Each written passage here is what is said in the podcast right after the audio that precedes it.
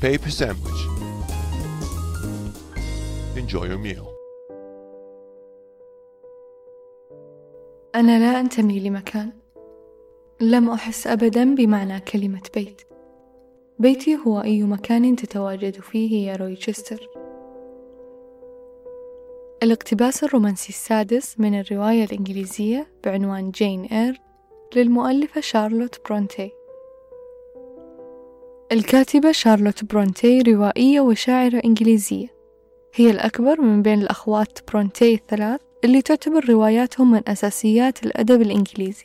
كتبت شارلوت روايتها الشهيرة جين إير تحت اسم مستعار لرجل كيورر بيل.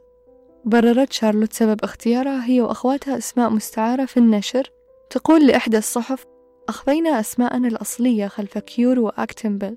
أخترنا هذه الأسماء الغامضة حيث لم نكن نود أن نعلن أننا نساء لأنه في ذلك الوقت كان سيتم التعامل مع طريقة كتاباتنا على أساس أنها أنثوية. كان لدينا انطباع قوي أن مؤلفاتنا سينظر إليها باستعلاء. الرواية 600 صفحة تقريبا من الميلودراما والصراع من أجل الحرية. جين إير بطلة القصة وباسمها تسمت الرواية. كتبت الرواية بصيغة ال first person أي أن البطلة تتكلم عن نفسها وتصف بلسانها الأحداث من حولها. عندما نشرت الرواية أحدثت تغيير شامل في الفن الروائي في القرن التاسع عشر واعتبروها النقاد سابقة لعصرها وسموا الكاتبة شارلوت بأول مؤرخ للمشاعر الإنسانية والتخاطر الذاتي. كما قالت ابنة أحد الأدباء هذه الرواية جعلت لندن تتحدث تقرأ وتتأمل. في العصر الفكتوري كانت المرأة مقيدة اجتماعيا بشكل كبير فكانت الرواية بمثابة شرارة في مجال الحركة الأدبية لتحرير المرأة بحيث أن شخصية جين الضئيلة بحجمها ويتمها وفقرها تثير بقوتها ما لا تكاد تثير أي شخصية روائية أخرى. ورغم قل الشخصيات في الرواية إلا أنها تحمل قيم أخلاقية عالية وأثارت مواضيع متنوعة مثل الطبقية الاجتماعية والعبودية والاستعمار والشعوذة وأيضا ما يعرف بال proto feminism. نعرف أن ال feminism هي حركة مدنية لحقوق المرأة سياسيا واجتماعيا. لكن proto feminism كلمة تطلق على الدفاع عن حق المرأة قبل أن تظهر فكرة الحركات النسوية في العالم. أيضا الرواية تكتسي بملامح الأدب القوطي بكل ما فيه من رعب وغموض. لكن معظم النقاد وصفوها بالميلودراما. ملاحظين أني مرتين قلت ميلودراما؟ تساءلت عن معنى هذه الكلمة وإيش الفرق بينها وبين دراما؟ دراما باختصار هي خلق جو حزين وشجي. ال drama queen لقب يستحق الشخص اللي يحط نفسه محور الكون ويعشق يلون حياته بأنواع من الحزن والبكائيات. كذلك في الأدب. كلمة دراما تعني أن القصة عبارة عن سلسلة من الأحزان لكن تصويرها يكون مقارب لحياتنا الواقعية. الميلودراما برضو سلسلة من الأحداث الحزينة لكن فيه إسراف مخيف في المآسي في الرواية الميلودرامية. لذلك لا تزعل لو قالوا لك drama queen. على الأقل ما وصلت مرحلة ال melodrama queen. جين فتاة يتيمة وفقيرة بلا أهل ولا مأوى عانت من الظلم والقسوة وعوملت بعنف من عمتها وأبناء عمتها. مرورا بالمعاناة التي عانتها في المدرسة الخيرية التي تعلمت فيها تحت ظروف صعبة لتصبح مربية. عندما كانت جين طفلة وقفت أمام تسلط عمتها بلسان بالكاد ينطق الحروف بشكل سليم. صرخت قائلة أنا سعيدة لأنه لن تكون لي علاقة بك. لن أناديك يا عمتي بعد الآن. لن أزورك عندما أكبر. وإذا سألوني هل أحببتك سأخبرهم كيف عاملتني.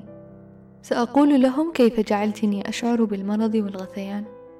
روحي بدأت في الاتساع ولن أتحمل هذه الحياة أبدا. روحي تستعد للانطلاق والبحث عن الحرية. هربت جين من بيت عمتها لتعمل مربية لأبناء السيد رويتشستر. كان فرصة لها للتحرر من عبودية عمتها والعمل لدى هذا السيد متعلم والمحترم. الرجل يظهر عليه الكآبة والمزاج المتعكر والطبع الصعب لكنه كان رجل بروح شفافة وذو مظهر جذاب. تحركت معه مشاعر جين. كان هو وجين متوافقين ثقافيا وعقليا وعاطفيا. كانا يتحدثان الفرنسية في مقاطع كثيرة في الرواية ويتضح جدا أن الانسجام بينهم كان عالي. لكن لسوء الحظ السيد رويتشستر كان مرتبط بامرأة أخرى وشخص مثل جين مستحيل يقبل أن يكون رهين لحب من هذا النوع. كانت تحس بأن الحياة مع السيد رويتشستر ستقيد روحها. هي شخصية قوية وعنيدة وثورية ومستقلة. لا ترضى بأن تكون ظل لامرأة أخرى في الحب. قررت جين أن تخرج من بيت السيد رويتشستر وأن لا تتفاوض في أي قضية تمس كرامتها. لا قيود أبدا تحكمها رغم كل محاولات السيد رويتشستر إلا أن جين تجاهلت قلبها واستكملت رحلة حريتها. تقول جين في مشهد وداعها من السيد رويتشستر أنا أحبك أكثر مما أحببتك في أي وقت مضى ولكن من واجبي أن لا أظهر هذا الشعور أو أنغمس فيه. وهذه آخر مرة يتعين علي أن أعبر فيها عنه رويتشستر إن علي أن أفارقك. علي أن أفارق مدينتنا. علي أن أنفصل عنك بقية عمري. وأن أستهل حياة جديدة. أحتاج أن أحفل بنفسي.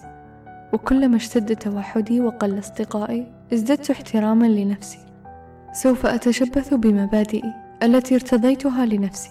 حتى ولو على حساب إغراءات البقاء بجانبك. لأن المبادئ لم تجعل إلا لهذه الأوقات. تهرب جين من سجن السيد رويتشستر باحثة عن حرية جديدة وكانت فرصتها عند جون ريفرز. ريفرز هو أحد أقارب جين. شاب طموح وأحب جين جدا وعرض عليها الزواج والانتقال للهند والانطلاق. حاول إغراءها بأنها ستكون فعلا حرة خارج البلاد والعمل على تحقيق نفسها هناك. إلا أن جين إير وجدت أن هذا الانتقال من سجن العائلة وبيت السيد رويتشستر سيكون إلى سجن آخر وهو سجن جون ريفرز. جين ستساوم على قلبها ومشاعرها وترضخ للعيش مع رجل لم يخفق له قلبها أبدا. ذروة العقدة في هذه الرواية هي الحيرة التي غمرت قلب جين.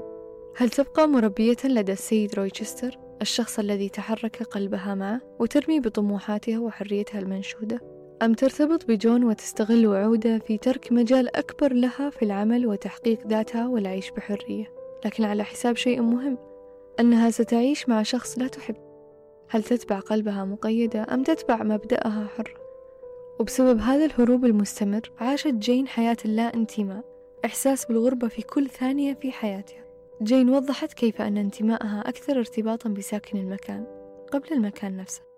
تقول جين كيف يشعر الناس عند عودتهم للمنزل لا أعلم فلم أملك ذلك الشعور الذي يغمر الناس عند عودتهم للبيت بيتي هو أي مكان تتواجد فيه يا رويتشستر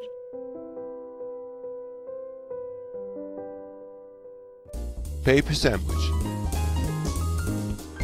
Enjoy your meal.